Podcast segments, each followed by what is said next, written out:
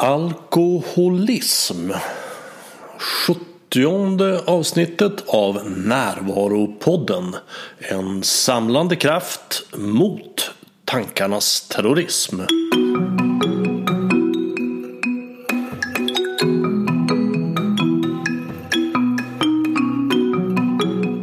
Det här är Bengt Renander.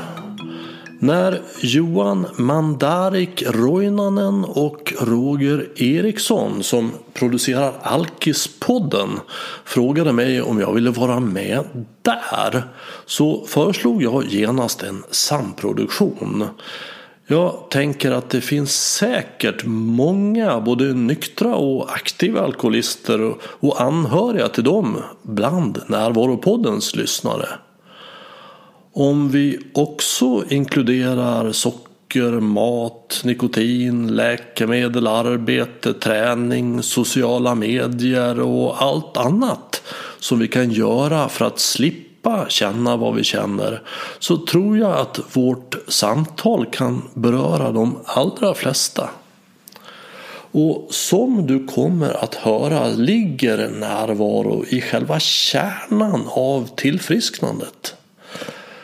Jag vill betona att jag inte talar för någon annan än mig själv. Med det menar jag inte att jag har kommit på allt det jag säger själv. För så är det sannerligen inte. Jag har fått intryck, hjälp och inspiration från många håll. Men det jag säger här är inte som företrädare för någon eller något annat än det jag tänker kring alkoholism och vägen till nykterhet. Johan och Roger har bett mig att säga att detsamma gäller för dem. Vi pratar bland annat om varför det är så svårt att ta hjälp. Om sekulär andlighet om vad ett andligt uppvaknande kan vara, om att så förväntningar och skörda besvikelser, om att skilja på tankar, känslor och fysiska förnimmelser, om tolvstegsprogrammet, om skillnaden mellan beroende och missbruk, om när ett bruk går över i missbruk. Om den fysiska allergin, den mentala besattheten och den själsliga sjukdomen. Om att inte behöva förstå. Om att använda okej okay som väg in i nuet. Om att framtiden aldrig kommer om det kärleksfulla i att ge konsekvenser för en missbrukare och om att ett andligt uppvaknande är det minst flummiga man kan vara med om. Här är Johan och Roger och det är Johan som börjar prata.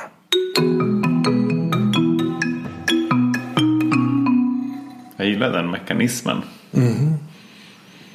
Att jag i alla fall för mig när jag, när jag tycker som mest synd om mig själv. Mm. så här, nu, nu skulle jag verkligen liksom behöva hjälp. Att det då är det bästa som hjälper är att jag hör av mig till någon annan och är nyfiken på hur han eller hon har det. Mm. Verkligen. Och det slår aldrig fel. Stiga ur sin självcentrering. Ja. Jag tänker också alltså vägen ut ur ett alkoholmissbruk till exempel eller problematik. Att vara öppen för att be om hjälp. Mm. Alltså som för första, första steget i den här mekanismen. Att det är så svårt. Varför, varför är det så svårt att sträcka ut en hand? Både att be om hjälp och ge hjälp. Jag vet inte. Vi har pratat om det här lite grann tidigare. Just att ja, jag till exempel den, den första spontana lösningen på mitt problem när jag slutade dricka det var, det var ändå att jag tänkte att jag skulle fixa det här själv. Jag kan ju fixa saker själv. Men eh, jag har ju lärt mig, tack och lov, att eh, ju mindre jag fixar själv desto bättre blir det oftast. Ja. Det finns mycket empirisk forskning på det också. Har du några tankar kring det där Bengt? Om att vara isolerad jämfört med att be om hjälp och ge hjälp? Ja, något som dök upp i huvudet på mig nu när, när vi pratade om det var att, det kan en del av förklaringen kan ju vara att jag har en erfarenhet sedan tidigare i livet av att jag har behövt hjälp men det har inte funnits någon där att hjälpa mig. Så att jag får lära mig att ska det ske någonting i mitt liv så får jag göra det själv. Jag känner att det berör mig när jag säger det nu för att så var det för mig.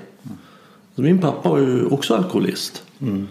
Och, och min mamma medberoende. Och de hade så fullt upp med det där. Så det fanns liksom ingen där som kunde hjälpa mig. Så jag lärde mig att ska det hända något så får jag hjälpa mig själv. Och det tar jag sedan med mig. Jag tror att vi är många som har, har vuxit upp i mer eller mindre dys- dysfunktionella familjer. Så att vi har liksom någon sorts förprogrammering om att det finns ingen där för mig. Jag tänker också på Johan, du pratar ju ofta om kontroll. Mm. Ehm, Just eh, illusionen av att, av att faktiskt ha kontroll över saker och ting. Och du, jag vet att du har berättat om att du hade ganska mycket kontrollbehov tidigare. Göra saker själv. Ja, jag tror att de där de går in så mycket i varandra. Jag tror också att om man får koppla tillbaka till det där att be om hjälp. Så har jag nog tänkt på det som att jag vill inte vara till belastning. Och jag vill ehm, jag vill heller inte vara en person som inte kan fylla en, eh, en, en funktionell roll i ett sammanhang. Jag har sett det som att jag behöver vara liksom, till nytta för andra för att kunna ha en roll i någon gemenskap. Eh, Och det, jag vet inte när jag har lärt mig det. Men jag, jag tänkte på det du delade om Bengt. Att så här, att de sakerna, till exempel så här, jag behöver ha en, en roll. Behöver, ha en, behöver vara nyttig, behöver en funktion. Det, det lärde jag mig ganska tidigt. Jag vet inte hur jag lärde mig det riktigt. Ehm, Men det, var, det har blivit liksom en strategi för mig för att inte vara ensam. Ehm, För att jag har tänkt att jag klarar inte av eh, smärtan att bli avvisad. Så att det är den som har varit liksom den stora rädslan egentligen. Och så har jag haft de här strategierna för att inte behöva möta den där rädslan som jag har vetat om inom citattecken då att, att jag kommer dö av tror jag. Så då har jag velat vara nyttig och där kommer nog kontrollen in. Att så länge jag har kontroll på situationen då kan jag välja vilken roll jag har. Men om jag inte har kontroll då vet jag inte vad som händer. Och eh, då är risken att jag inte får vara med helt enkelt. Och det låter som om man ska sammanfatta det i två ord. Att den här kontrollen vill, ha- handlar om att jag vill vara över medel och normal. Ja, precis. Jag vill inte vara konstig och, och, och dålig. Och, och det är ju ett av egos främsta strävan. Att vara över medel och normal. Och upplevelsen, jag tror också det är en skäl till att det är svårt att söka hjälp att vi inte gör det. Att, att upplevelsen inifrån mitt ego är ju dels att jag är världens centrum. För vart jag än åker så är jag i centrum. Jag kan åka till Indien, andra sidan jorden. Jag är i centrum där också. Jag ser mig runt och jag är i centrum. Den andra upplevelsen inifrån egot det är att jag ser världen som den är. Och de andra idioterna fattar inte. Så hur ska någon kunna hjälpa mig? För de vet ju inte. Jag vet bäst. Det tror jag också är en, en delförklaring i. Ja, den, är, den är väldigt stark. Ja, men alltså, jag, jag tycker att det där är jättespännande för att jag kan fortfarande idag efter många års nykterhet jag kan, jag, jag kan se på folk Och jag kan jag försöker föreställa mig andra människors liv. Men jag kan inte. Jag bara, hur kan man hur gör man eller hur kan man välja att leva ett liv som inte är mitt liv?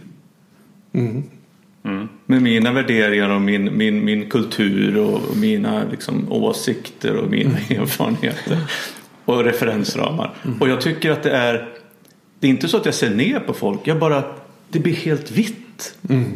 Jag kan inte, jag förstår inte. Det är lättare nu men, men tidigare var det väldigt mycket instängd så i mitt eget, mina egna referensramar. Jo, det brukar man ju prata om alkoholism som en egosjukdom. Alltså jag identifierar med ett ego. Och därför blir ju en viktig del av tillfrisknandet blir ju att se att jag är inte världens centrum. Jag är en liten, liten pjutt. En liten kugge i någonting som är väldigt mycket större än mig. Och att jag, min, min, min, min lycka är oerhört beroende av hur jag interagerar med detta större. Och att jag kan göra det i en dans där detta större för och jag följer. För min tidigare strategi var att jag ska föra och verkligheten ska följa mig. Och den andra delen som handlar om att, att jag ser världen som den är. Tillfrisknandet ger ju mig att, att jag ser, inser att jag ser inte världen som den är. Jag ser världen som jag är. absolut. Vi har alla olika verklighet.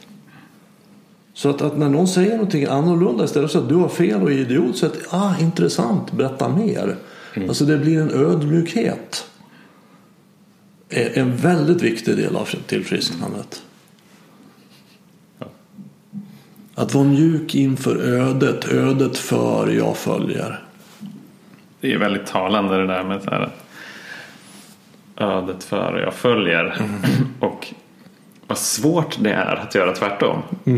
Alltså, men det, det är inte så konstigt att jag till exempel då när jag kände att jag måste ha den här kontrollen. Jag behöver föra och resten behöver följa. Att jag mådde så dåligt. Eftersom det är omöjligt. Och, och trots att utfallet alldeles uppenbart blir så otroligt dåligt. Det funkar ju nästan aldrig. Nej, precis.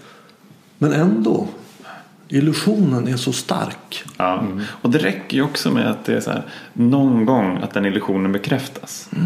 Att så här, okej, men jag ser en signal på att men nu blev det som jag ville. Och Jag har kontroll. Det är möjligt att ha kontroll. Eh, Den, det, det var liksom den, den största pusselbiten för mig vad vad gäller kontroll som var tvungen att falla ner. Att det är inte möjligt för någon att ha kontroll. Det vill säga, jag, jag kan bara släppa det. För att ingen, ingen har kontroll. Det är inte så att jag är sämre än någon annan för att jag inte har kontroll. Men det trodde jag, det var så, det var så jag kände i, i slutet av, av det aktiva. Också lite i början av nykterheten faktiskt. Ja, men hur är det egentligen med det här? Hur mycket kontroll kan jag ha? Och sådär. Och vilken, vart går gränsen? Ungefär, testa mig fram. Men, men det var väldigt skönt att komma fram till den insikten. Även fast jag kan- glömma bort den ibland. Att ingen har möjlighet att ha kontroll. Nej. Och vi ska komma ihåg att bakom kontrollbehov finns alltid rädsla. Alltid rädsla. För är jag trygg då kan jag komma på din middag som du har bjudit mig till och säga ja, vad kul jag kommer. Är jag rädd? Vilka är det som kommer annars? Vem ska jag sitta bredvid? Eh, Vad kommer du att servera för mat? Eh, vad, vad kommer att hända? Så att, och det är så skönt att, att kunna, som man då säger, lämna över. Jag lämnar över till ödet, till verkligheten. Så får det bli som du vill. Men för att det ska vara möjligt måste jag känna mig trygg. Den där rädslan där. Vad tror du att den består av? Rädslan före. Rädslan för, ja, men, så här, på andra sidan av myntet av kontroll, rädsla. Ja, i, I grunden för alla läs så ligger ju rädslan för att dö. Alltså, vi, det, rädsla är ju någonting som vi har av evolutionen blivit givna för att överleva. Att vi ska klara oss. Och vi som sociala varelser, för oss som flockdjur är det ju otroligt viktigt att få vara med. Att passa in. Och det får vi om vi är över medel och normala. Just. Det, det, men annars är risken då att vi, vi blir utstötta. Och de som då har varit rädda genom tiderna för att, att komma bort, att inte få vara med, att vara konstiga. De har ju överlevt. Så vi är ju barn till de rädda. Och de som har sagt att ja, för 10 000 år sedan när vi gick på savannen i flockar om en hundra personer. För hundra personer tillsammans ger sig ju inte en, ens en flock lejon på. Så där är vi trygga. Men de som har sagt att hörni, jag sticker bort och kollar på sjön där. Jag kommer tillbaks ikväll. Nej, de såg vi aldrig till igen. Utan de som är rädda, de som vill vara kvar, vara med. Det är evolutionärt gynnat. Och det innebär att vi, vi idag har ju en rädsla som inte alls står i proportion till faran. Vi är mycket, mycket mer rädda än vad det finns anledning till. Och när vi genomskådar det, att jag behöver inte vara så rädd, så behöver jag heller inte ha så mycket kontroll. Nej. Jag kan gå ut i livet som en nyfiken nybörjare och säga Okej, okay, vad händer här? Vem är du? Vad säger ni? Vad händer? Men det där är intressant tycker jag att man tänker på den här tidiga rädslan då som man säger ändå var en fysisk rädsla. Mm. Alltså rädd för att dö eller bli skadad eller vad det nu kan mm. vara. Den, har, den måste ju då liksom ha, när det var lugnt. Vad flyttar den till först? Liksom? Känslomässig rädsla eller social rädsla eller, eller mm. jag tänker på sådana grejer som ensamhet och mm. eh, eh dålig eh, självbild och, och sådana saker någonstans måste ju det ha skett. För jag vet inte om de här människorna på savannen gick runt och tyckte att de borde ha ett snyggare höftskynke. Eller jämförde sig känslomässigt och mentalt och moraliskt med andra människor. Det måste ju ha hänt någon gång. Liksom. Ja, alltså, på savannen gick vi för, för i storleksordningen 10 000 år sedan och då hade vi kunnat börja tänka. Mm. Och, och, och, det är ju det som är så väldigt svårt att hantera den här, om man ska kalla det gåvan, att kunna tänka. Mm. För att alla djur kan ju bli rädda. Men de andra djuren, de andra apsorterna och de andra djuren, de blir ju rädda när det händer någonting. Mm. Alltså, det finns någonting så här som händer nu, jag blir rädd och jag flyr. Men vi, sen vi fick förmågan att tänka så har vi, har vi också med det fått, fått möjligheten att bli rädda för våra egna tankar. Alltså vi tänker saker och blir rädda. Mm. Alltså, när ni, om ni efter mötet här går upp till Hötorgets tunnelbanestation och så står det ett läskigt gäng där. Och säger så här, hoppas det kommer två snubbar här så vi får råna och misshandla dem. Då säger ni så här, nej gud vad läskigt. Vi tar en annan nedgång. Bra! Det är bra, den rädslan är ju bra för den hjälper er att överleva. Men för oss människor så räcker det att tänka att det står ett läskigt gäng. Så jag vågar inte gå dit. Mm. Det står inget läskigt gäng där. Och det är vad vi ägnar oss så otroligt mycket. Vi tänker saker som väcker obehagliga känslor i oss. Som vi inte står ut med. Som vi hittar ett sätt att döva. Och det gjorde vi med alkohol. Mm. Varför har det blivit så tror du? Ja, det är ju närmast en religiös fråga. Jag vet inte. Det är, evolutionen som håller på här och provar sig fram. Mm. Mm. Jag tror inte det finns. Jag är inte religiös. Eh, så jag, utan jag har en, en sekulär andlighet. Mm. Och, och, och, det är ju fullt möjligt. Det, man behöver alls inte vara religiös för att, för att gå ur alkoholism. På något sätt vill jag, det är viktigt att understryka. Det finns de som tror det att man måste bli religiös för att sluta dricka. Men det behöver man inte. Nej, Nej det är vi också bevis på. Mm. Ni är inte heller religiösa? Nej. Nej. Jag tycker det är en så viktig insikt att den som är att alkohol är inte problemet för en alkoholist. Mm. Alkohol är lösningen. Mm. Ja, exakt. Så att vi, vi, vi, tar bort lösningen från alkoholisten, vi tar bort alkoholen. Och ger vi inte en annan lösning så kommer den personen väldigt snart att återfalla. Och vad är den andra lösningen? Ja, det är ju det andliga uppvaknandet. Mm. Och vad innebär det? Inte att bli religiös utan att jag kan vara här med det som är. För kan jag det så behöver jag inte dricka. Det är så jävla snyggt uttänkt det där. Det är inte jag som har, det är inte jag som har räknat ut det. Nej, men jag tycker det är spännande det där. Liksom, det är ju så roligt att eh, för jag, jag, skriver under på det här med att jag behöver absolut inte vara religiös. Jag skriver också under på det här att vara nära här. Mm. Men att Och jag håller med för att för mig är andligheten väldigt mycket just det där att kunna vara närvarande där jag är. Och det, det är liksom, när man tänker på orden andlighet och ser framför sig att man då ska rikta sig liksom mot himlen eller Gud eller något kyrkotak. Och sen så jämför det med att nej, men för mig är det liksom att vara här. Att kunna vara närvarande, att kunna hjälpa, att vara kärleksfull, att släppa taget om saker och ting. Då blir det så här, men är det verkligen, hur kan det vara andlighet? Liksom? Och eh, det är de här grejerna, alltså det är ju en av de här grejerna med eh, att tillfriskna som jag tycker det är så svårt liksom, att förklara för någon som inte har varit med om det. Eller försöker vara med om det. Och eh, jag tänker på det här med eh, eh, närvaro. Jag känner ibland att, eh, eller ganska ofta, att jag har svårt att vara närvarande. Och det kan bero på att jag inte riktigt vet vad, vad närvaro är. Har du någon sån här, liksom, finns det någon, inte textbok, men har du någon, någon sån här förklaring av närvaro som, som är lätt att ta till sig? Och som man kan träna på kanske? Ja, alltså det, det jag ofta pratar om har jag i alla fall skaffat mig en egen definition av så att jag vet vad jag menar när jag pratar om det. Sen menar jag inte att det, det behöver vara rätt för alla eller en objektiv definition. Men för mig så är närvaro förmågan att ha min uppmärksamhet i det innevarande ögonblicket. Det är alltså en förmåga vilket innebär att vi behöver träna upp den som alla förmågor. Alltså det, det finns ju ingen som kan prata franska, spela tennis eller minigolf eller vad det nu än är. Utan att behöva spela in mus- musiken, utan att träna på det. Det är en förmåga. Så vi tränar upp den. Och vad är det för för förmåga? Jo, att rikta min uppmärksamhet.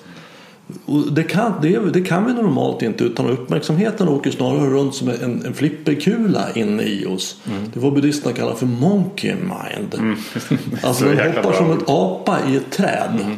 Jag kan inte rikta min uppmärksamhet. Och vad riktar jag min uppmärksamhet? Jo, jag riktar min uppmärksamhet mot det innevarande ögonblicket. Här. Och varför är det så speciellt? Jo, för att här är verkligheten. Här är verkligheten. Så att få ett andligt uppvaknande det är det minst flummiga en människa kan vara med om. Det. Som varit innan har varit flummigt, att leva i sin tankevärld. Utan det är minst flummiga. Vad som sker är att jag kommer hit till verkligheten. Var är den? Här nu. Och jag kan uppfatta vad som sker här nu.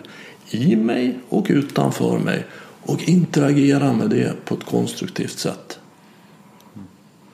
Och faktum är att det var vad alkoholen momentant gjorde för mig när jag drack.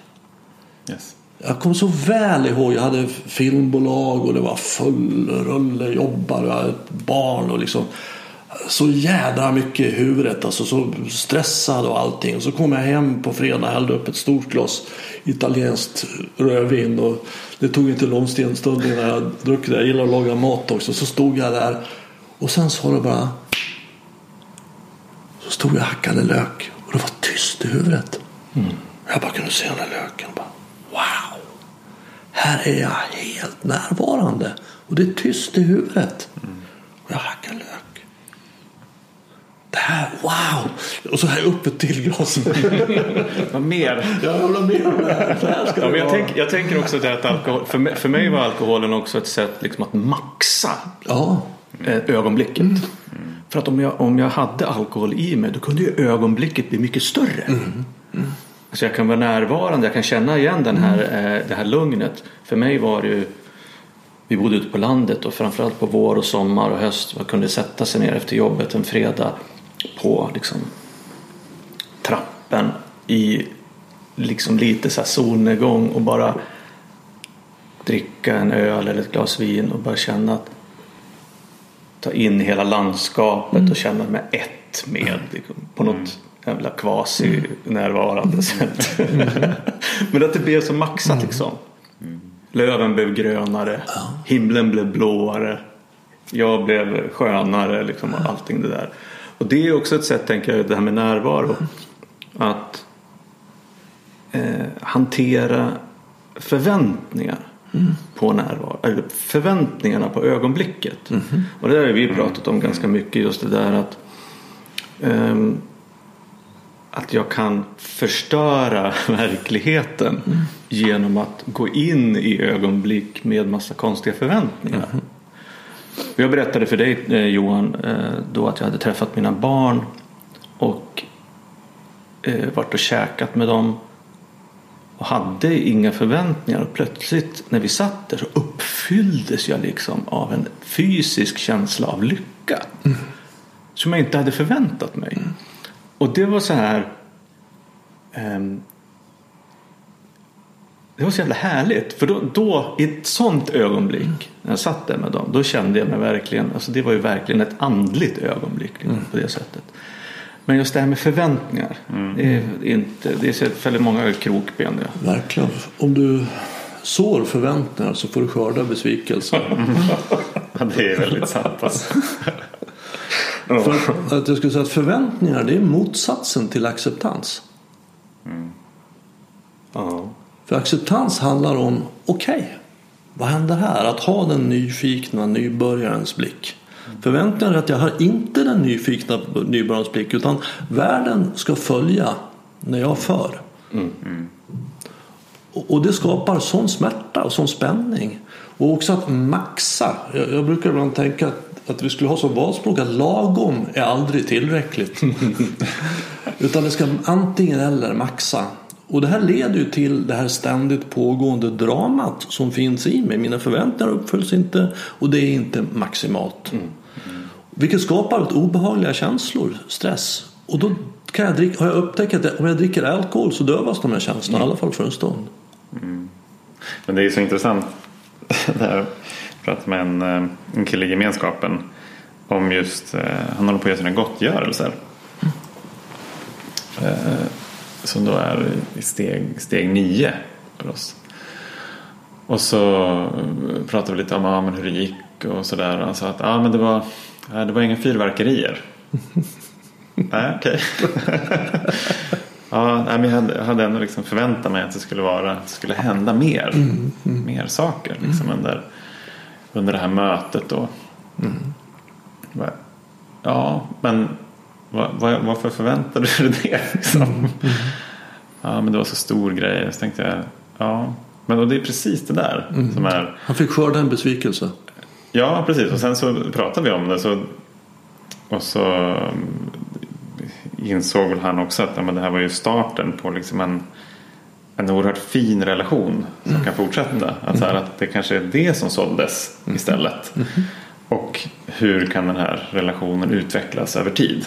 Istället, istället för att det ska vara precis vid det här ögonblicket och det är så här inramningen och det är, jag tänker nästan på Donald Trump när jag liksom pratar om det. Att det, är så här, det ska iscensättas och det är fyrverkerier. eh, Så där, det ska vara storslaget. Det, Och jag kan känna igen liksom de tankarna i nykterheten men framförallt från det aktiva livet. Verkligen. Ehm, och det spelade ju ingen roll liksom, om, om, det, om det var någon, någon, liksom någon, någon traditionell eh, högtid i, i den meningen eller om det var en, en fredag där jag tyckte att jag hade förtjänat att nu skulle det vara fyrverkerier. Nu har jag tagit så mycket ansvar, jag har haft så mycket kontroll. jag- Om ni bara visste hur dåligt jag mått och hur mycket jag har kämpat. Att jag verkligen skulle få förtjänat helt enkelt och luta mig tillbaka och se de här fyrverkerierna. Ehm, och den är också den var det svår tycker jag att släppa taget om. Och det är därför acceptans blir en så viktig nyckel för oss. Att acceptera att okej, det, det är så här det blev. Och upptäcka istället vad är det som blev, vad är det som är istället för vad som borde vara. Eller vad som inte får vara. Jag kommer ihåg det. Jag hade ju- spelade in flera poddar såklart men avsnittet precis innan Elma skulle födas. Så kommer jag ihåg att jag var så himla rädd. Din- min, min dotter ja. föddes för 15 månader sedan ungefär. Jag var så himla rädd att jag inte skulle känna rätt saker. Eller att jag inte skulle känna tillräckligt mycket av rätt saker. Och just att, att hela tiden gå runt med den här måttstocken. Som ju då är som, som alla andra vet om också. Så att de kan ju döma mig utifrån hur jag känner. Eh, Det är också en väldigt obehaglig känsla. Mycket. jag. Istället för att bara gå in i det med nyfikenhet och så här, undra hur jag kommer känna. Ja. Det ska bli spännande att se. Ja, precis. Jag vet att inte. Ja. För det är ju sanningen om framtiden. Jag vet inte hur det kommer att bli. Nej. Så att, att det är ju därför då som, som närvaro och, och acceptans. För acceptans det är andra sidan, sidan av närvaro. Alltså jag kan inte, om jag inte accepterar så kan jag inte vara närvarande. Så att, att kunna komma in i vad det än är. Okej, vad gör jag med det här? Att vara andligt vaken är det för mig.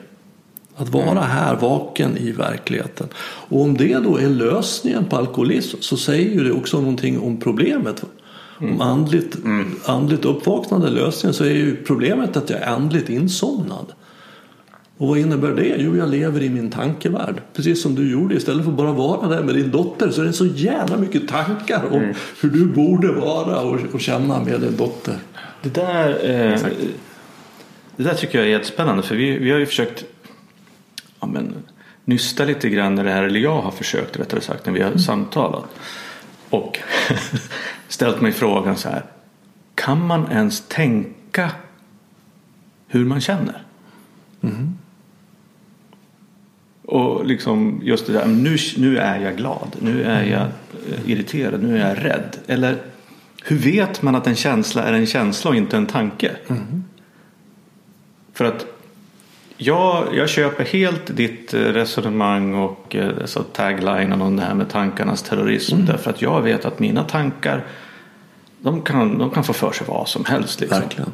Och, eh, och försöker liksom hitta något sånt här sann, sanna känslor. Men hur fan vet jag att inte mina tankar liksom för, för, förvanskar mina känslor? Alltså jag, jag, jag det är inte så att jag ligger vaken och grubblar på nätterna om det här. Men jag tycker ändå att det är en intressant Sen jag kanske inte behöver veta det. Jag tycker ändå att det är en intressant liksom, ett ämne som är intressant att röra sig vid. Liksom, vad är en känsla och vad är en tanke? Mycket. Det är mycket intressant och jag tror att det är väldigt värdefullt.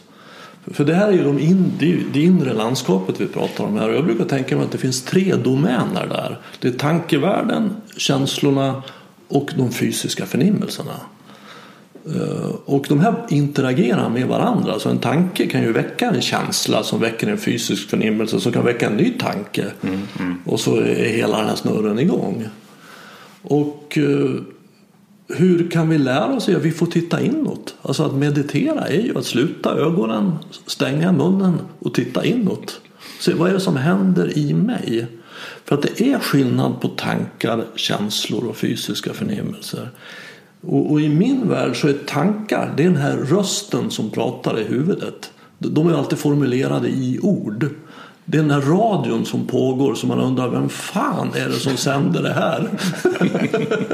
Vem var det som satte på den? Ja, Kan man byta kanal? Vem är det som pratar här? För att i vår kultur så identifierar vi oss, identifierar vi oss med den som pratar. Vi tror att vi är det här.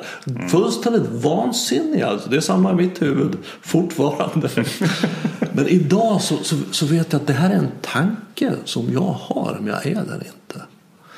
Sen har vi känslorna och för mig är känslorna alltid också kopplade till en fysisk förnimmelse. En känsla känns. Så man kan känna det i bröstet eller i strupen eller ryggen. Alltså så glädje, rädsla, oro, sorg, munterhet. Alla känslor har också en fysisk förnimmelse. Så man kan lokalisera den i kroppen och faktiskt lära sig hur den känns. Ja, nu känns det som det är en borr som borrar in i bröstet. Det, det, det är irritation. Nu är jag irriterad. Ja, för det finns en fysisk förnimmelse. här. Sen har vi de rena fysiska förnimmelser som det kliar på knät eller ja, ont i hälsenan eller vad det nu kan vara. Men, men det är inte så lätt att veta vad som var. Men det är väldigt, väldigt vanligt att vi rationaliserar och är mentalt orienterade så vi är uppe i huvudet hela tiden. Jag vet det, det är inte ovanligt att jag frågar klienter hur, hur känns det just nu? Och då säger jag, ja jag ska tänka efter, säger hon. Nej, gör inte det. För då kommer du få veta vad du tänker, utan vad, vad känner du? Och veta det. Och där är vi många väldigt vilsna. För vad har vi gjort under vår aktiva tid? Istället för att känna det jag känner så flydde jag ifrån det. Mm. Så jag vet, det är väl van jag vet inte vad jag känner. Är det här kul eller tråkigt? Eller, så vilsen. Och det blir ju också det blir på något vis en ond spiral i det där, tänker jag också. Att om jag hittat alkoholen som liksom en, en lösning, en, en, väg att hantera mina känslor så tränar jag ju inte heller på att hantera dem på ett annat sätt. Exakt. För att efter ett tag så har det gått flera månader, år mm.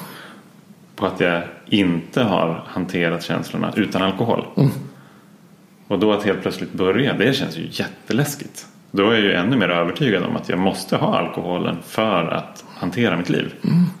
Jag, tänker att, jag tänker så här att jag håller med om det där men att, att det, är, det är kanske simplare än så. Att jag som, eller min hjärna, mina tankar. Alltså om jag vänjer mig vid att alkohol är en enkel och bra lösning. Mm. Då är det inte så att jag anstränger mig för att hoppa över den första enkla bästa lösningen som jag ändå känner till för att hitta en annan lösning. Utan då blir jag ju lat, bekväm och tänker det här funkar ju. Och sen den här utförsbacken, när den börjar gå nerför så hänger liksom mitt huvud inte med i att fatta att det faktiskt går nerför mm. utan tänker att jag är på ungefär samma punkt som jag var för ett år sedan eller fem år sedan eller tio år sedan mm. beroende på hur hastigt den här sluttar neråt och tycker att ja, allt är väl som vanligt. Mm. Fast uppenbarligen tittar man liksom på resultaten och både fysiskt och känslomässigt och kanske konsekvenser och så, här, så, så, är det inte som vanligt utan det har blivit ganska stora förändringar. Men jag har inte, jag har inte förmågan, att, kapaciteten att märka det. Liksom. Just på grund av förnekelsen mm. som du var inne på. För jag tänker så här att jag var nog på väg ner ganska snabbt i början men sen så träffade jag min exfru och skaffade familj och då blev kurvan liksom ganska jävligt flack länge. Sen så var det precis som att bara gå ut från en stupkant de sista två åren kanske innan jag slutade mm. dricka. Mm. Då gick det väldigt, väldigt fort. Mm. Och sådana uppdämt eh, jag vet inte, behov av att göra kaos. Någonting. Ja. Um, så att jag tycker det är spännande att prata om det här just det här med, med tankar och känslor och beteende. För att jag inbillar mig utifrån den eh, väldigt, kanske inte jättestora kunskap jag har om tankar, känslor och beteende ändå att vi beter oss kanske heller inte alltid som vi tänker. Mm.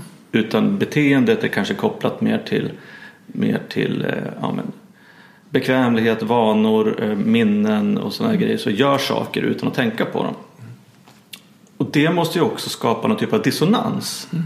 i det här systemet som du pratar om. Fysisk förnimmelse, tankar och känslor som gör att ja, men man, mår, man mår sämre. Liksom, mm. för, att, för att man kan inte, det som vi har varit inne på, man sätter upp regler.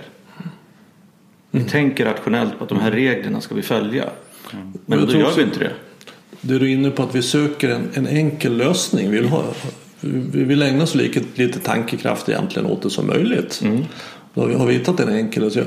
En, en fin, bra metafor tycker jag är att om man tänker sig en person som har skoskav. Alltså har blåsa, blåsor på hälarna. Mm. Och det gör ju ont. Alltså det är väldigt obehagligt. Men den här personen hittar då att om jag tar en Alvedon var fjärde timme så funkar det faktiskt. Så att den här personen har skoskav, blåsor och tar en Alvedon var fjärde timme.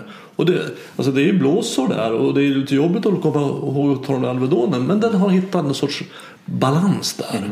Så kommer jag till den här personen och föreslår att du, det här med Alvedon är inte så bra, den är så bra skoskav heller. Jag tycker du ska sluta äta Alvedon. Men vad, sluta äta Alvedon, är du inte klok? Jag har ju skoskav, alltså, det, det kommer ju bli, göra jätteont. Mm. Men, men det är inte förrän den här personen slutat äta Alvedon och får känna hur ont de här skoskaven gör som den inser att jag behöver byta skor. Mm. Och det tycker jag är en bra bild. För att jag, vad, jag, vad jag behöver byta, det jag tidigare var, det var att jag levde andligt insomnad i min egen tankevärld. Med mig själv som centrum. Och det var endast möjligt att upprätthålla så länge jag drack alkohol. När jag tar bort alkoholen från det så får jag ju känna smärtan av det ännu starkare. Vilket gör att jag tvingas att hitta en annan lösning. Och vad är det? Andligt uppvaknande. Alltså att kunna lära mig att vara i världen som den är, som jag är. Hur, hur gick det till för dig? Där, om man tar slutet av den här kurvan, den här flacka kurvan och sen till nykterhet. Jag tror att all, alla vi som har slutat, alltså som har, vi, det, det gick ju ganska långt för oss. För, för det är många som ligger liksom och seglar någonstans. Det skulle jag gärna vilja prata lite om också idag under vårt möte om vad, vad alkoholism är och vad, vad gränsen går. Det tycker jag är ett intressant tema. Men eh, att kurvan mot slutet stupa brant. För jag, jag skilde mig och eh, i samband med det, ja, det, var, det var väldigt mycket, det var väldigt mycket känslor som jag då inte kunde hantera utan använde då alkohol mer och mer och mer. Och, och tills jag kom till en punkt där jag insåg att jag är alkoholist. Alltså jag hade ju förnekat det eller schackrat och förhandlat med mig själv kring det så så länge. Jag inser ju nu att jag var alkoholist redan från början. Ehm, så jag kom till en punkt där jag fick nog.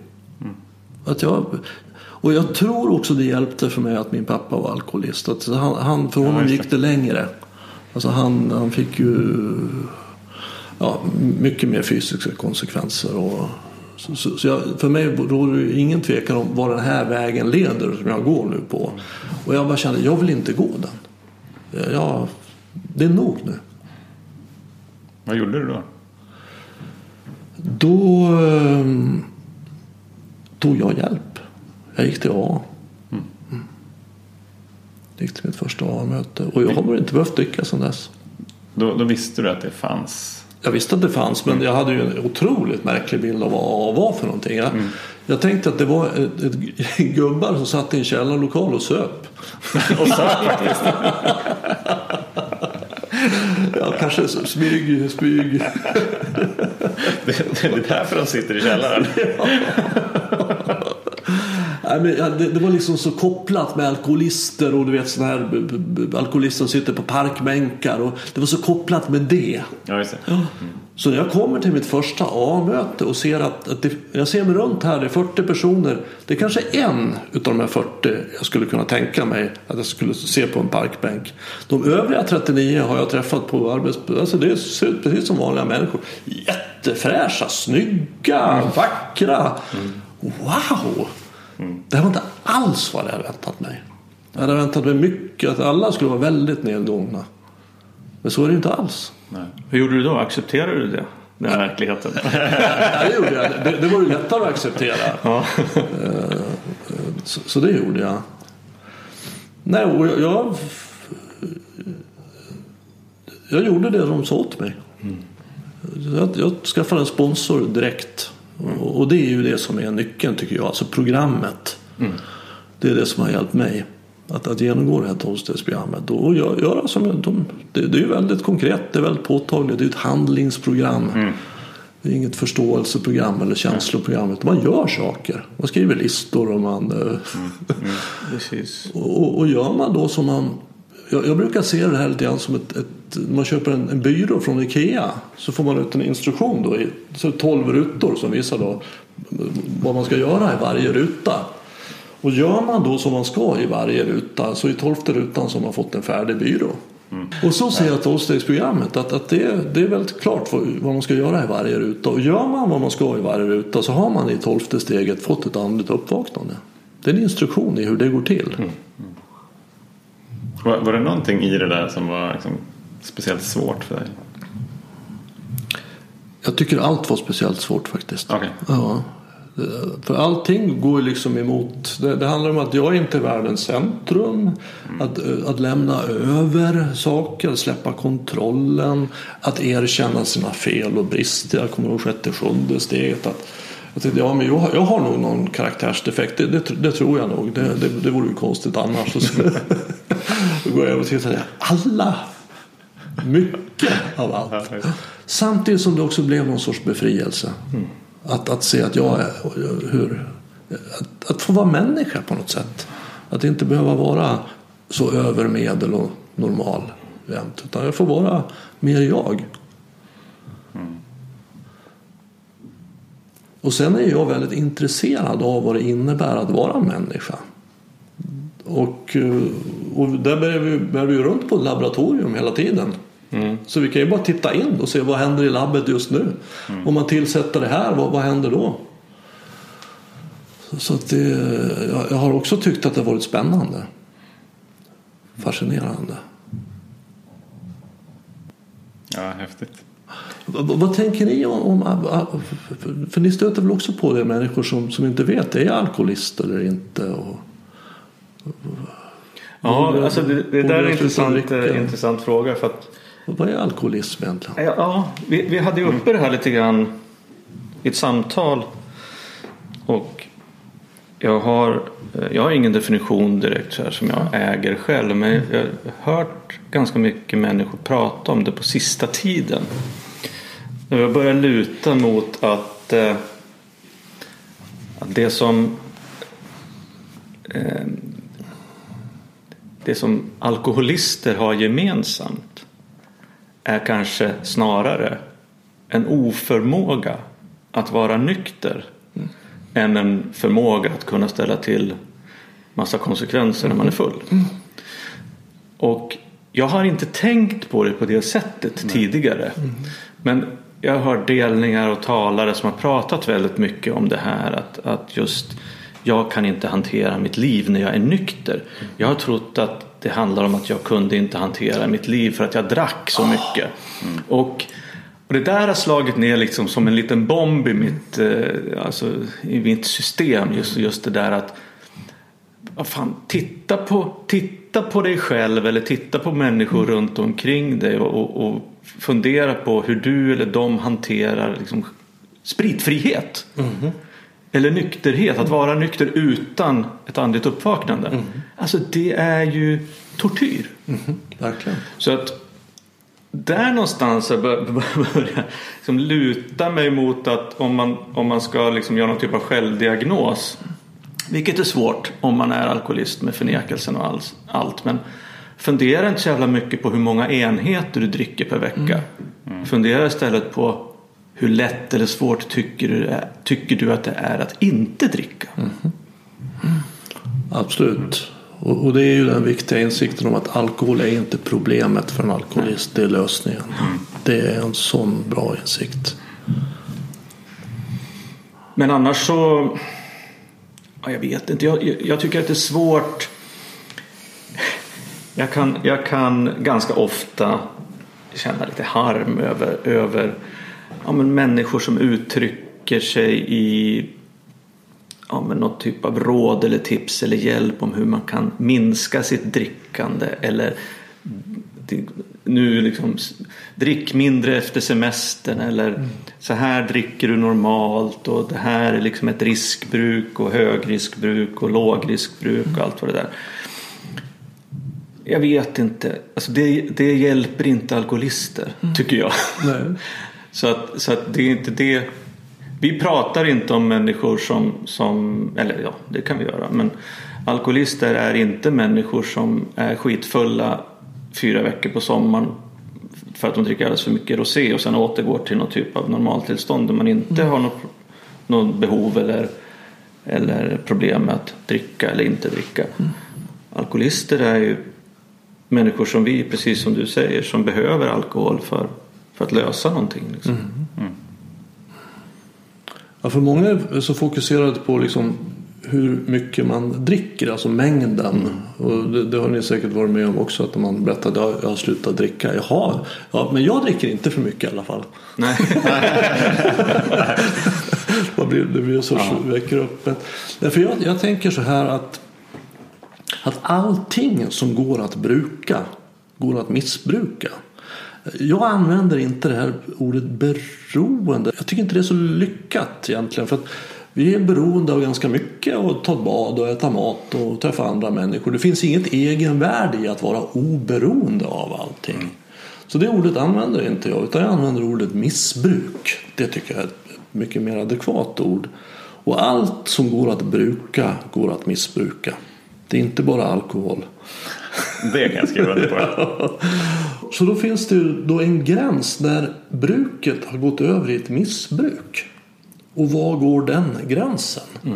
Och, och, och jag menar att, att den gränsen avgörs av konsekvenserna. Vad får mitt bruk av någonting för konsekvenser? För så länge jag brukar någonting så får det inga negativa konsekvenser. Om jag äter en pralin varje fredag eller dricker ett glas vin varje fredag eller eh, det får inga negativa konsekvenser. Men om det jag gör får negativa konsekvenser fysiskt, psykiskt, socialt eller ekonomiskt, en utav dem eller flera i kombination och jag trots det inte slutar, då har mitt bruk gått över i ett missbruk. Mm. Så att om mitt sätt att dricka alkohol på får negativa konsekvenser fysiskt, psykiskt, socialt, ekonomiskt och jag trots det inte slutar då är jag en missbrukare. Och, och det som jag tycker är viktigt är då liksom att understryka, understryka det är ju att eh, om vi pratar om mitt missbruk av alkohol så, så var det ju så att jag var inte, jag drack ju inte 24 timmar om dygnet. Nej. Men jag tänkte ju på alkohol. Så att det, det gav mig ju konsekvenser även när jag var spritfri. Sociala till exempel. Jag hittade på ursäkter för att få smyga ut i garaget eller åka till macken eller vad det nu var. Gå in på toaletten på jobbet. Det var det ekonomiska och all, allt med känslomässiga framförallt. Så det var inte bara det är inte bara konsekvenser av ett direkt alkoholintag som jag tycker är viktigt att man pratar om med det här utan det är ju hela, hela mitt liv. Absolut. När, när du pratar om bruk och missbruk så inser jag så här, okej men om jag skulle sätta in bekräftelse där till exempel. Hur skulle det se ut? Så här, jag, jag tror att vi alla behöver bekräftelse. Absolut. Det är jätteviktigt i våra relationer och sådär. Att man blir, blir sedda och förstådda och, så. Men, men jag inser att mitt bekräftelsebruk gick över till ett missbruk at some point. Mm. Och hur såg du det? Ja, men jag såg det dels eh, att jag gjorde så mycket jag bara kunde för att maxa bekräftelse.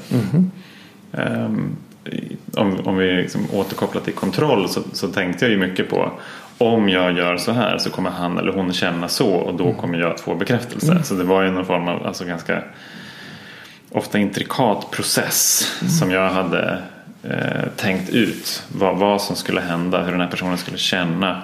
Det kan vara kollegor på jobbet, eller det kan vara kunder, eller det kan vara i mina relationer hemma.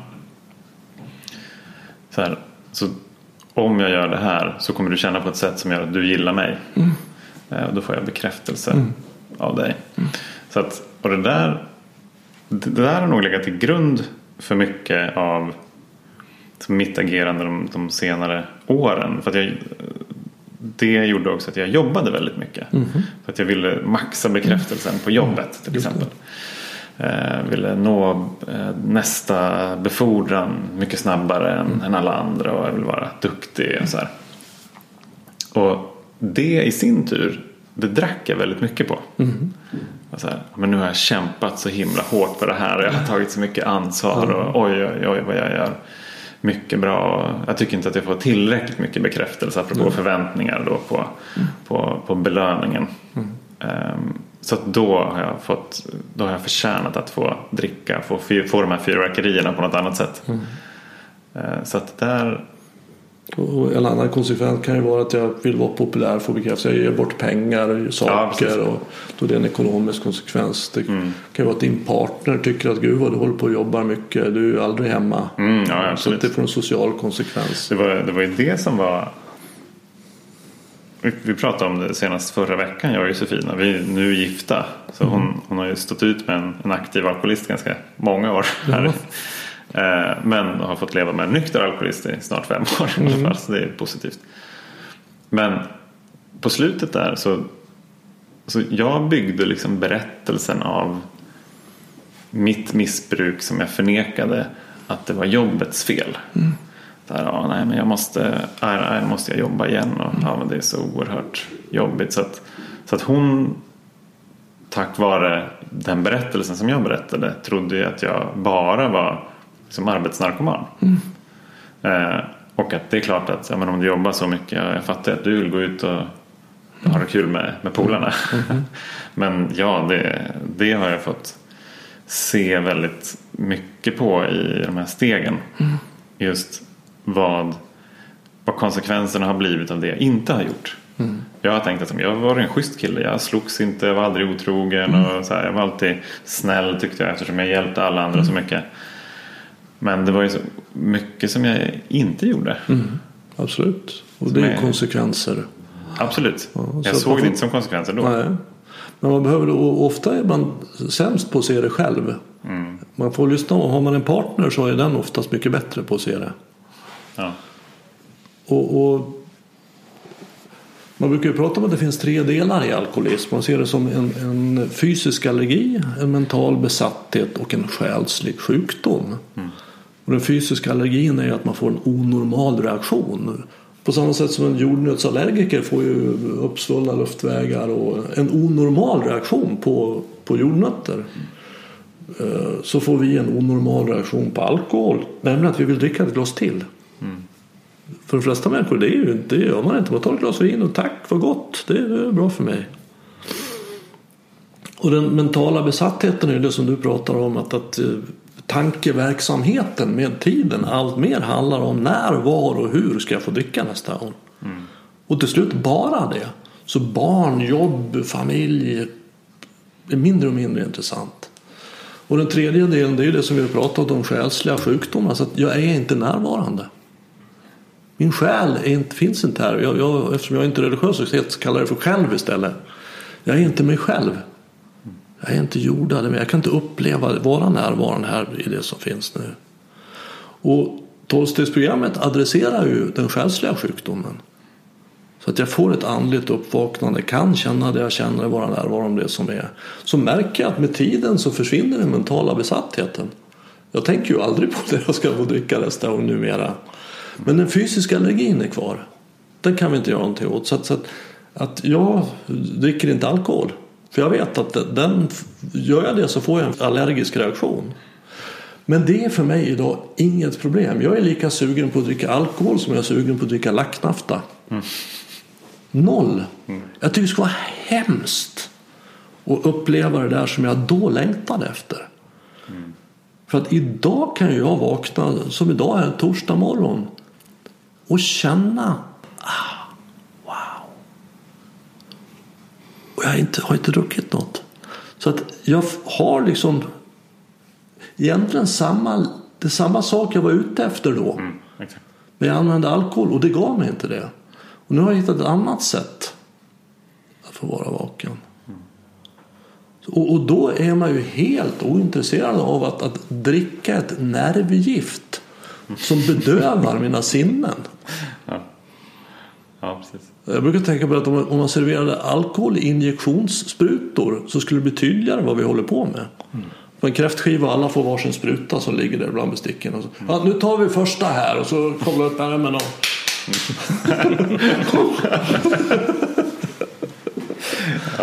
Men då får man ju inte den goda smaken. Nej, det är så. Precis. Ja. Nej, precis. Det, jag tror att vi pratade om det också i något avsnitt. Att, så här, att jag hade nog också alltid liksom en jakt på sinnesro. Fast jag visste inte att det var sinnesro Mm. som jag var ute efter. Men, men det är bara att det är diametralt olika vägar att ta sig Verkligen. dit. Och jag kommer ihåg faktiskt, det var nog ett av mina första möten. Så var det, så var det en, en i rummet som, eh, som förklarade liksom hans syn på hur det var att vara känslomässigt och mentalt och liksom själsligt nykter. Mm. Han bara, men det är som att jag har två öl i kroppen hela tiden. Mm. Ja. Bara, bara, ah, ah okej, ja, så där kan man känna. Ja, det vill jag också då, då, då, var jag, då var jag så nära Ja. som det. Jag tänkte, ah, okej, ja. Och sen så var det liksom mycket annat som hände såklart. Men jag förstår nu verkligen vad han menade. Och, och, och det, det är verkligen värt att ta, ta på allvar. Jag tror att ordstammen för sprit kommer från spirit, spirituosa, andlig. Så att ofta är det så att, att vi som söker oss till vi är andligt sökande människor. Så, så att när vi blir nyktra, när vi tar bort alkoholen så hittar vi någonting gemensamt väldigt, väldigt fort. I vårt andliga sökande. Vi är intresserade av den typen av frågor. Det är viktigt för oss. Men eh, en grej som jag, vi har varit inne på lite grann tidigare också i det här samtalet tror jag. Det, det är just det här, om vi pratar om acceptans till exempel. om Att eh, Jag slutar dricka och jag behöver någonting annat än alkohol. Jag vill ha någonting annat. Eller, eller kanske om jag, inte, om jag inte får någonting annat så kommer jag liksom att börja dricka igen. Alltså det finns ett hål. Och eh, jag vet inte hur det var för er men jag, jag var villig men jag var inte helt liksom, jag accepterade inte allting i början. Eh, till exempel så tyckte jag att jag i början ja, men jag, jag försökte liksom förstå varför det här programmet, den här lösningen skulle fungera för mig. Jag försökte hitta liksom ekvationen. Du brukar prata om ekvationer. Liksom det här. Tills bara jag tror att det var ett samtal med min första sponsor. Liksom, att jag fick den här fysiska andliga upplevelsen av att jag behöver inte förstå. Utan jag kan bara acceptera att det funkar. Och, och det är ju någonting tycker jag som det landar i mig då och det, har, det finns kvar fortfarande. Även om jag tycker idag att det är jätter, jätteroligt att utforska det.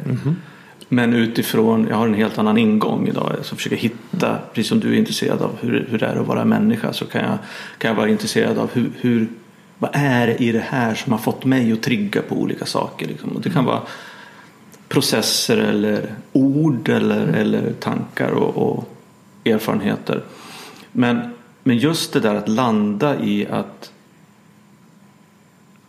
också en insikt att det funkar också för att jag vill att det ska funka. Eller för att jag accepterar att det funkar. Och att, att se den här icke-acceptansen eller skepticismen eller oförståndet, vad man kallar det för, hos människor som inte har accepterat det här programmet. Det var någonting som jag hade väldigt svårt för i början. Att, eller när, när jag väl accepterade. Att jag ville att alla skulle acceptera det också. Men och det är också en del av min, min eh, acceptansresa också det här att jag behöver inte få andra människor att acceptera samma saker som jag har accepterat. Jag kan faktiskt ställa mig bredvid ibland. Jag tänker på att, att eh, jag behöver inte ens, alltså vi pratar om att, att ödet liksom, eller Alltså man, livet förs och jag följer. Alltså ibland behöver jag inte ens följa. Jag kan bara ställa mig bredvid. Och det, det har också varit en, en, en väldigt nyttig eh, insikt för mig att det första är ju är lite faktiskt en besvikelse över att livet, andra människor faktiskt kan fortsätta med det de håller på med. Även om jag ställer mig bredvid. bredvid. Alltså, det är ju svårt, det var svårt att acceptera. Men sen nästa känsla är ju liksom att fan vad skönt. Och det har jag alltså de senaste åren, mycket sen vi började med det här, liksom pratat om och lärt mig att att jag behöver, jag behöver inte vara med på allting. Jag behöver inte veta vad som händer där. Jag behöver inte tycka att de ska göra på det eller det sättet. Jag kan bara ställa mig bredvid och vara i mig själv och se till liksom mina nära och kära och mitt sammanhang och det, mitt ögonblick. Och det är ju väldigt svårt. Fortfarande är det svårt att inte, svårt att inte lägga energi på andra människor. Men eh, det är skönt när jag lyckas i alla fall. Och och jag tror inte vi värdesätter riktigt den bevittnande platsen du, du pratar om efter förtjänst normalt. För det är, det är själva nyckeln. Att kunna gå till den som kan bevittna både mitt eget ego och andras egon. Jag är inte ident, jag har mina tankar, känslor och fysiska främmelser. Men jag är dem inte. Så just nu blev jag jätteirriterad här tydligen. På honom. Jag behöver inte agera på det. Nej. Utan jag är kvar här i det här vittnet och det är mitt själv. Det är den jag sant är. Det är det här som kan stå lite utanför min personlighet och säga Gud vad jag håller på. När vi säger så att jag är inte klok, jag har sagt det, Gud vilka konstiga galna tankar jag har. Så finns det ju en del i mig för den som ser att jag inte är klok, den är klok. Och att jag kan då flytta beslutsfattandet i mitt liv. Vi har ju alla tre erfarenheter av att, att hålla på och göra saker som inte är kloka. Till att se att det där är inte klokt och gå till den delen och låta den delen istället bestämma vad jag säger och gör. Och det är vad vi gör idag. För det kan ju fortfarande vara så att jag vill dricka, mitt ego vill dricka, det vore skönt att få. Men det är inte vad jag själv vill. Så vi kan leva ett liv där jag gör som jag själv vill. Och det blir ett bra liv. Och det är vad jag hör att du gör i de situationerna. Ja, men det är, jättebra formulerat det där. För vi har ju pratat lite grann om att jag har fått liksom en, en liten sluss. Exakt. Men då har jag ändå tänkt på att det är samma person. Men slussen är, liksom är någon typ av gränssnitt. Men, men det sättet du uttrycker på det här vittnet. Fan, det var spännande. Det är inte bara en ska, sluss, det är pärleporten. nej, men det ska jag utforska lite grann och, Ja. kolla på. Jag har, ehm, jag har precis läst klart en bok som heter The Untethered Soul. det, The Untethered Soul. okej. Och en man som heter Michael A. Singer. Han pratar om precis det där. Och jag tycker det var så att vara liksom den som observerar. Den som bevittnar. För han börjar boken med att ställa frågan så här. Vem är jag? Och så kan vi svara så här. Ja men jag är, eh, jag är pappa till eller jag är gift med och bla bla bla bla. Jag är. Ja men uppenbarligen så här. För jag var ju jag innan jag blev pappa. Så att det var ju inte rätt svar. typ. Och jag har ju inte hela tiden varit gift med Josefin. Jag har inte hela tiden haft det här jobbet. Så det finns ju någonting som är mer beständigt. Och så liksom skalar han av den där löken. Och kommer till att, precis som du var inne på, så här, men om jag kan bevittna mig själv som är arg i en situation. Då är ju det heller inte hela jag. I alla fall. Det är en del av mig men det är inte hela jag. Ja, Okej. Och skulle jag då kunna vara i ett läge där jag kan vara den som observerar hela tiden? Ja, men det kan jag faktiskt vara. Sen så är det, jag gillar också förmågan. För att det innebär att jag behöver ju träna på att liksom gå bara, "Uff, okej nu drogs jag in i den där och gick igång på den här situationen och var 100 procent tänker jag då liksom närvarande fast jag blir ju helt omedveten. Och väldigt styrd. Ja, för om jag är arg eller jag är rädd då är jag ju identifierad. Då kan jag ju inte göra det. Nej, då måste jag ju skrika och säga ifrån. Ja, exakt. Alltså det är en, en oerhörd... För jag skulle nog säga att allting som kommer efter jag är är egot. Alltså jag är VD eller jag är begåvad på det här eller obegåvad, jag är ful eller vad det nu är. Och när vi rensar bort allt det och stannar i jag är då har vi kommit till självet. Men det går inte att begripa riktigt. Utan det går endast att uppleva. Så att vi, och, när man då vill förstå sig fram i programmet som du var inne på till exempel. Så kommer vi bara till en viss punkt. Eh, Vi kommer inte till självet, vi kommer inte till det andliga uppvaknandet genom att begripa det. Utan vi kommer till det genom att uppleva det. Och det är ju egentligen inte alls märkligt. Utan nästan allting här i livet upplever vi utan att begripa det. Jag menar, jag hör mig själv prata nu. Och Hur går det till? Det skickas några nervsignaler till mina stämband som i samverkan med lungorna får fram Herregud, jag begriper inte alls hur det går till. Och samma sak händer i dig och i dig. Jag, jag begriper överhuvudtaget inte hur det går till. Men jag kan uppleva det. Och det är vad livet mycket mer handlar om för mig. Att uppleva det. Inte att förstå det. Och att uppleva det kan jag ju bara göra här nu. Så att uppleva det som sker här nu med det här nyfikna vittnets inställning. Istället för att gå in med förväntningar. Och... Men det, en, en annan grej som jag tycker är intressant när vi pratar om det här med förmåga att uppleva och förstå och allt det här. Det, det är ju just det här att att förändras genom att ge upp eller släppa taget mm. istället för att vilja mer. Exakt. Eller kämpa hårdare. Mm. Och hur fan för det är också någonting som det är jättesvårt att förstå, mm. att begripa att jag kan förändras genom att ge upp mm. eller släppa taget. Mm. Men det kan upplevas. Verkligen. Men hur jag har ju kommit dit på något sätt. Det är också mm. ett av de här miraklen. Mm. Liksom, tycker jag. Mm. Men kan, kan vi... Hur tränar man på att, hur tränar man på att ge upp eller släppa taget? För att det är ändå... Alltså det, jag gör någonting för att inte göra någonting. Hur, fan, hur går det till? Nej, men jag, jag tror att det, det är en väldigt viktig punkt. Jag kommer ihåg jag sa till min sponsor ja, jag ska kämpa på. Så. Och så nej, stopp, stopp, stopp. kämpa inte, kämpa inte. Så. Och det tyckte jag var så, för det, var ju, det är så man lär sig. Man ska kämpa på och anstränga sig för att nå någonstans. Mm. Men nu inser jag ju det att, att, att till närvaro, till andliga uppehållet kommer vi genom att slappna av in i det. Mm. Vi slappnar av in i nuet genom att släppa, släppa, släppa, släppa. Och det är ju alltså kontraintuitivt för många människor. Verkligen. För vi är ju vana att vi ska kämpa för ja. någonting. Mm. Men det kan vi inte göra för det drar oss bort.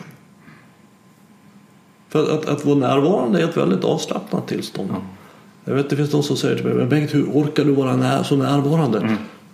Alltså, det är inte ett dugg jobbigt. Det var jobbigt. Jag kommer ihåg när jag tillbringade så mycket tid med att inte vara det. var jobbigt. Jag kommer ihåg när jag eh, jag hade, jo, jag hade nog varit nykter ett år. Mm. Och så la jag upp en grej på Facebook om det. Så var det väldigt många som var så här, bra kämpat. Mm. Och jag sa ingenting då. men, men det jag ville säga var så här. Ja men tack. Men, men det var det precis tvärtom. Det var för ett år sedan som mm. kampen slutade. Mm.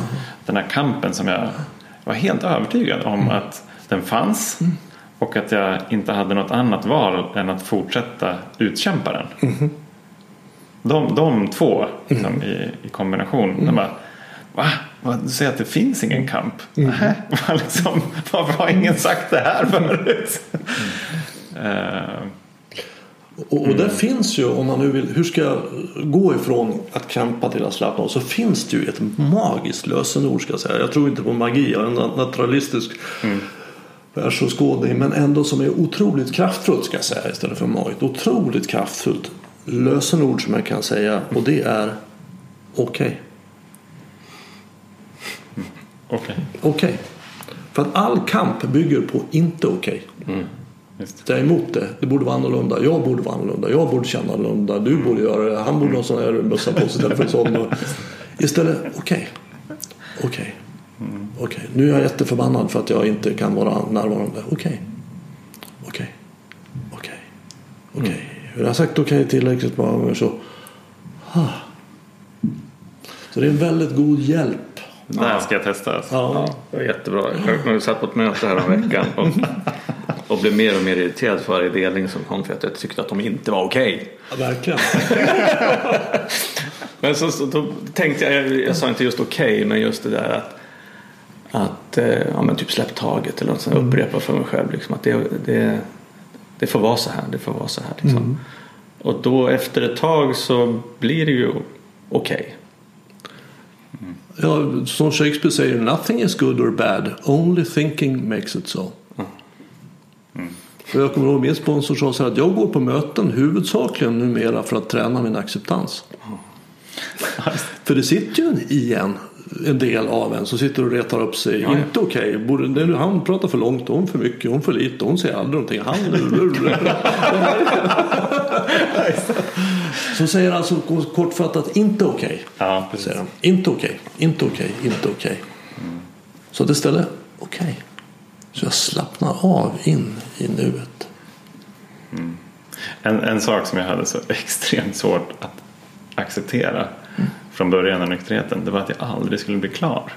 Ja, Att jag inte skulle komma till ett, till ett läge där jag antar att det liksom i det undermedvetna att jag hade eh, blivit klar med det här med, med alkoholismen. Då hade jag förtjänat att dricka säkert för att fira att, jag Precis, var, att jag precis. var klar. Eh, ja, men för, för att det är, eh, det är liksom så jag har blivit tränad. det är så, så normen ser ut. Att vi, vi kämpar med någonting, vi får ett certifikat kanske eller ett diplom eller vi får en befordran eller vi får en löneökning eller vi får barn kanske. Alltså det, det, det händer någonting som är så här bra, då är vi, då är klara Check med det. det. Då, då finns det, det, det är beständigt och det, det, det kommer inte försvinna. Eh, och jag, jag, blev, jag var väldigt arg över det. Ihåg. Jag tyckte det var så orättvist att det var på det sättet.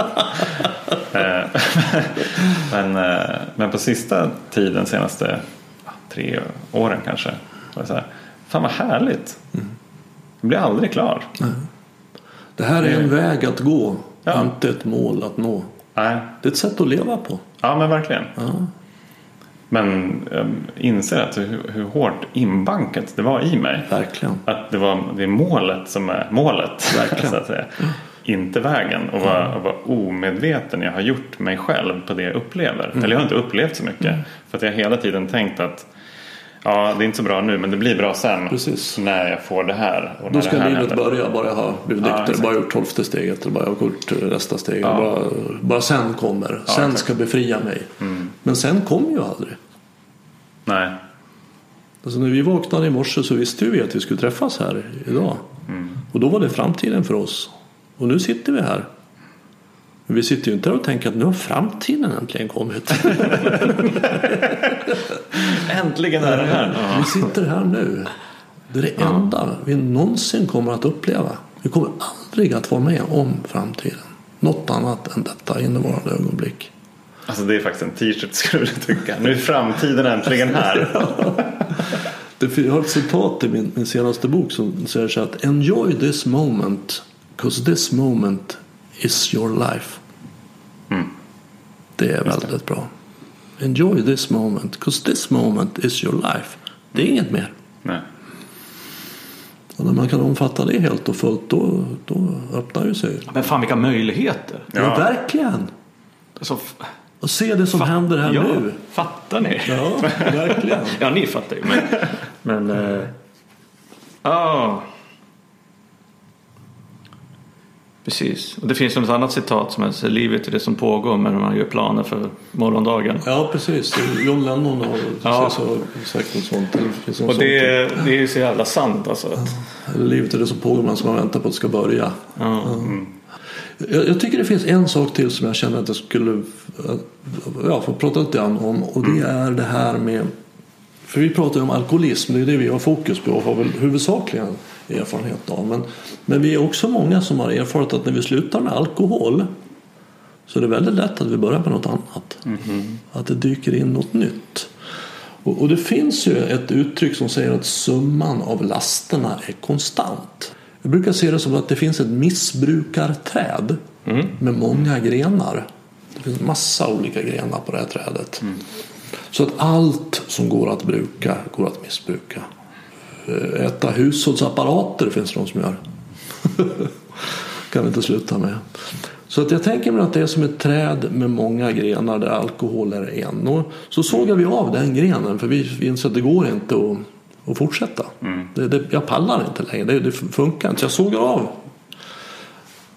Då är det väldigt lätt att det växer ut en ny. Att man börjar med internetdating istället. Eller som en kille berättade på en av de första möten jag var på. Han har precis nyligen slutat dricka. Det var ett lunchmöte. Och han berättade att han på förmiddagen hade druckit sex familjeflaskor med julmust. Det är nio liter julmust. Alltså det är ju, jag vet inte hur många kilo socker det är. Ja, det är mycket. Ja. Så han slutade med alkohol och gick över till julmust eller socker då. Så slutar man med det och då blir det cigaretter eller så blir det porrsurfning eller vad det nu är. Så att vi kan inte åtgärda det här på, på gre, uppe på gren, i grenverket. Utan vi behöver gå till roten. Ja. Och vad är roten då? Och jag menar då att roten är att jag förmår inte känna det jag känner. Jag ska känna något annat. Jag kan inte vara kvar i det som är. Så att när jag känner mig orolig eller stressad, ja då, ska jag, då kan jag ta en drink så blir det lite bättre. Och när jag känner mig glad så ska jag känna någon annan glädje. Jag kan inte känna den här glädjen. Mm. Men är det, är det varken eller så, så ja, det var lite guld. Vi kan sätta lite guldkant på dagen här ett tag. Så jag är hela tiden på flykt ifrån mitt eget känsloliv. Jag köper det du säger. Mhm. Jag tror att för mig så ligger ju så ligger faran eller, eller risken med det där i att ändå liksom byta verklighet. Ett annat sätt att uttrycka att du kan ljuga för dig själv. Ja. Ja. Men att jag, jag sitter till exempel mediterar i sängen på morgonen som jag brukar göra och åker till jobbet eller stannar hemma och gör någonting.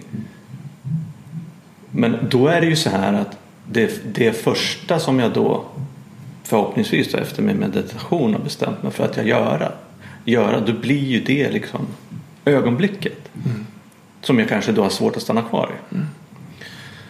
Så frågan är ju hur, hur, hur, hur kan jag liksom kontrollera, eller inte kontrollera, men hur kan jag skapa hur kan jag säkerställa att jag, att jag faktiskt befinner mig i rätt ögonblick?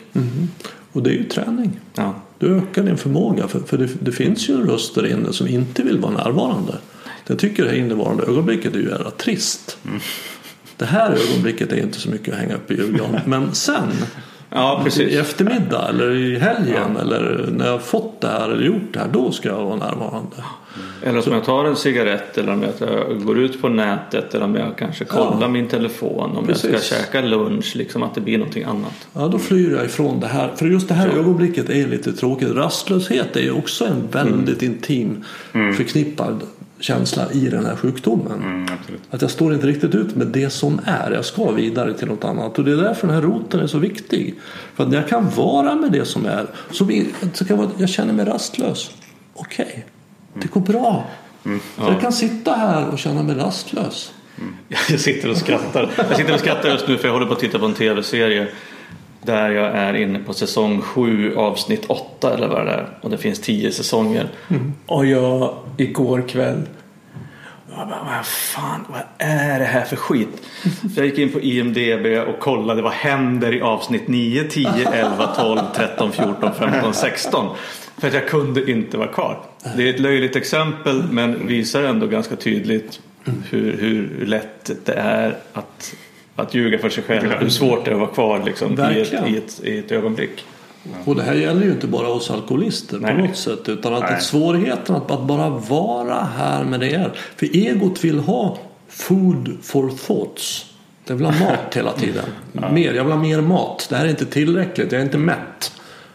Så den lever i ett ständigt tillstånd av hunger, otillfredsställelse. Så är jag identifierad med egot, då kommer jag vara där. Men kan jag gå till självet, den bevittnande platsen. Då kan jag plötsligt vara med det som är. Även om jag är rastlös eller otillfredsställd i egot. För jag är i det här vittnet.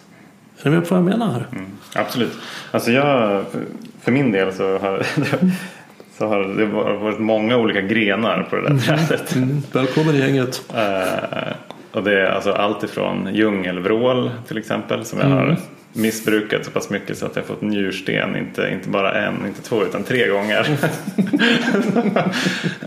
och eh, och till, till andra saker. Kaffe liksom också var det där. Så att, om jag dricker kaffe då dricker jag kaffe hela, hela dagen. Och så får jag magkatarr eller så kan det leda till magsår. Så då måste jag sluta med det. Och så här. Konsekvenser. Konsekvenser och eh, också hur jag äter. Om jag äter jättefort för att eh, okay, men det är någonting som jag, som jag känner som jag inte vill känna. Ja, men då mättnad eh, overrider ju, overrider ju det. Eh, det är perfekt och då äter jag, då äter jag snabbt.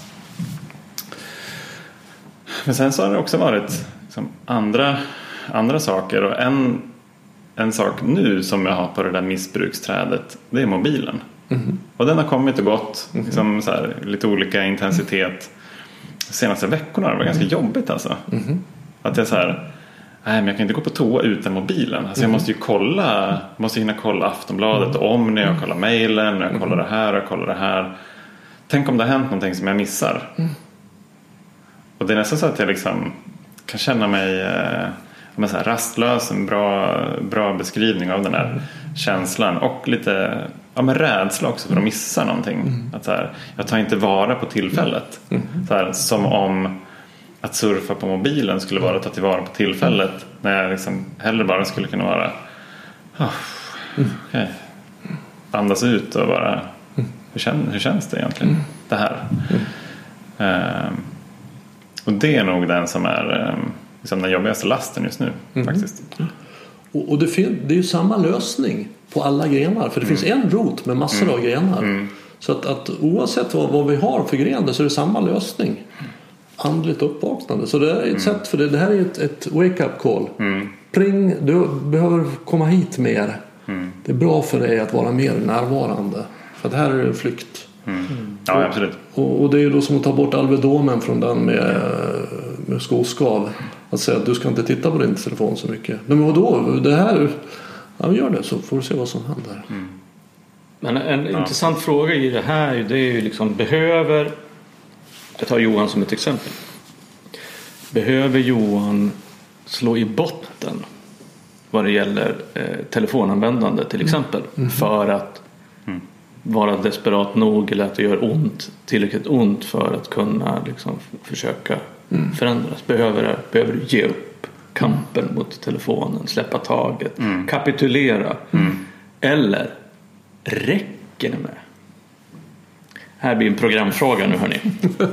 Räcker det med att be om att bli av med en karaktärsdefekt? Vad är ditt Du får, du får testa. Ja, jag får testa. Nej, Jag vet inte. Jag tror att, jag tror att det har alltså, jag tror att det, någonstans så tror jag att det är grader av någon konsekvensgradsfråga. Exakt, det tror jag med. Alltså får jag tillräckligt stora konsekvenser så gör det tillräckligt ont eller jag liksom blir tvingad till en förändring. Så länge jag inte har tillräckligt stora konsekvenser så lever jag förmodligen utom i vissa stunder av klarsyn också i förnekelse. Så att för att kanske få en, en eh, långvarig eh, förändring eller ett, en omställning så tror jag nog att det, jag tror att det är lättare om man, om man slår i botten. Men sen kan man ju träna på, precis som du säger, en förmåga att lämna bort telefonen. Och det kan i, i sin tur också leda till en långvarig bestående förändring.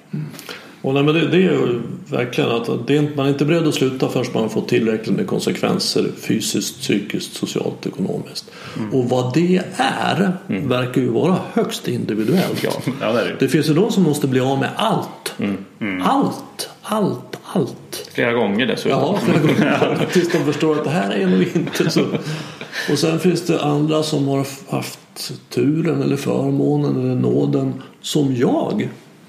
Att jag behövde inte bli av med allt innan jag förstod att det här går inte längre. Så att, att det, verkar inte, det finns ingen objektiv gräns där vi kan säga att det här är tillräckligt med konsekvens utan det är ju hur man upplever det. Och därför blir det också så viktigt att den som står nära en missbrukare ger konsekvenser. Alltså det är kärleksfullt att ge konsekvenser. Så att det här är inte okej. Jag, jag vill inte prata med dig när du är full. Det, det, det går inte. Och det känns ju för många väldigt ointuitivt. Mm, verkligen. Att så här, men jag vill ju vara snäll för att det är synd om den här personen. Ehm, men det jag pratade för någon vecka sedan med en av våra lyssnare som ringde och ville, ha, ville bolla lite liksom kring hur hon skulle hantera en anhörig som, som är aktiv. Och eh, då pratade vi just om konsekvenser. Att så här, för, en, för en aktiv alkoholist, om jag inte får några konsekvenser det är ju det perfekta kvittot på att bra, då kan jag fortsätta. Absolut. Det är perfekt. Ja, men eh, han eller hon borde förstå att mm, fast det är liksom, när jag är inne i det där då är det den alkoholistiska logiken som är rådande. Verkligen. Och den logiken ser helt annorlunda ut än den logik du har just nu.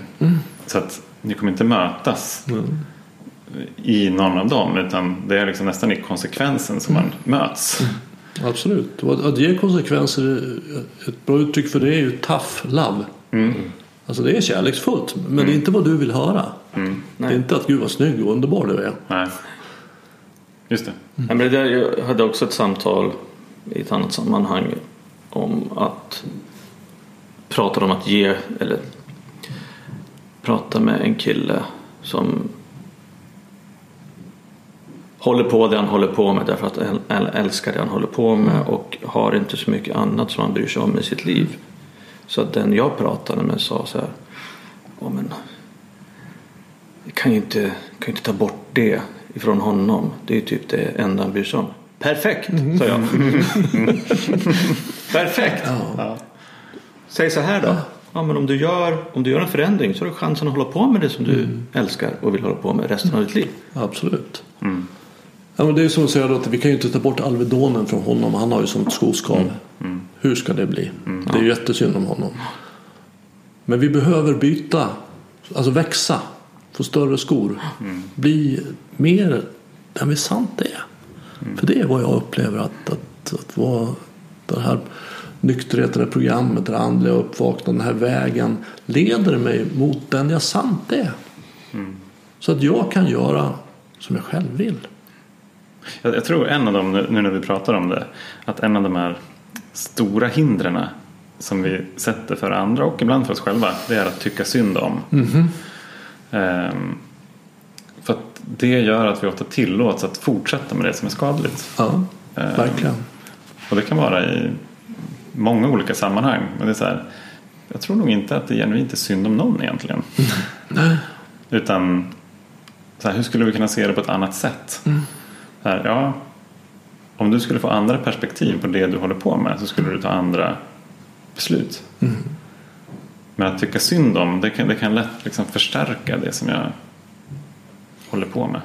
Det är ju en, det är en tredje, ett tredje känslomässigt tillstånd som är väldigt vanligt bland oss alkoholister.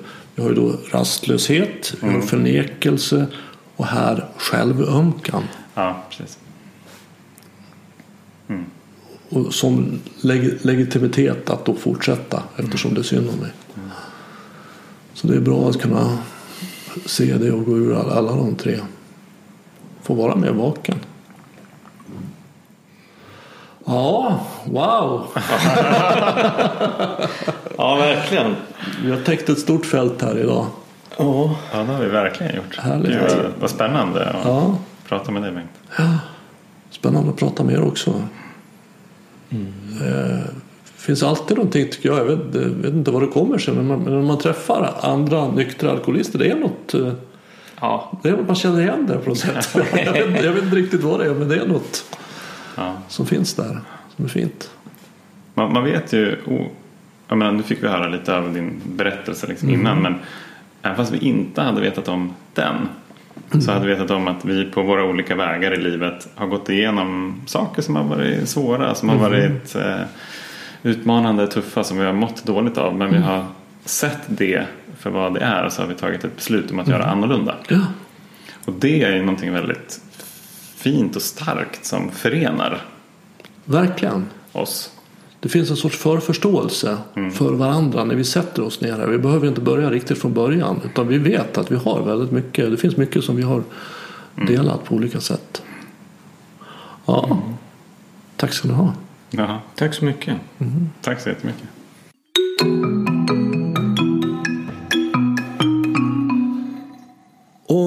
Du vill komma i kontakt med Johan och Roger så finns deras mejladress i anslutning till det här avsnittet på min hemsida renander.nu.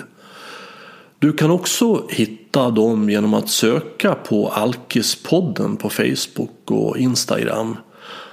Och vill du lyssna på Alkispodden så finns den överallt där poddar finns. Jag gör Närvaropodden för att sprida kunskap om hur medvetenhet och närvaro kan hjälpa oss att sluta terrorisera oss själva och andra med tankar. Om du vill stödja podden, hjälp till att sprida den genom att tipsa om den till vänner och bekanta. Det är också hjälpsamt om du betygsätter och skriver kommentarer på iTunes. Vill du veta mer om hur man går på den smala vägen som heter medvetenhet och närvaro? Läs min senaste bok Stoppa tankarnas terrorism. Boken har fått många positiva omdömen som tydlig, klar, enkel, väldigt användbar. Att du dessutom stödjer mig i det här arbetet är en positiv bieffekt. Enklast köper du boken via hemsidan renander.nu och jag signerar den gärna om du vill. Har du något ämne eller person som du tycker skulle passa här i Närvaropodden? Tveka inte att kontakta mig. Enklast gör du det via kontaktformuläret på hemsidan renander.nu. Desto fler vi är som är vakna i verkligheten, ju mer kan vi förändra den på riktigt. På återhörande och du, var uppmärksam.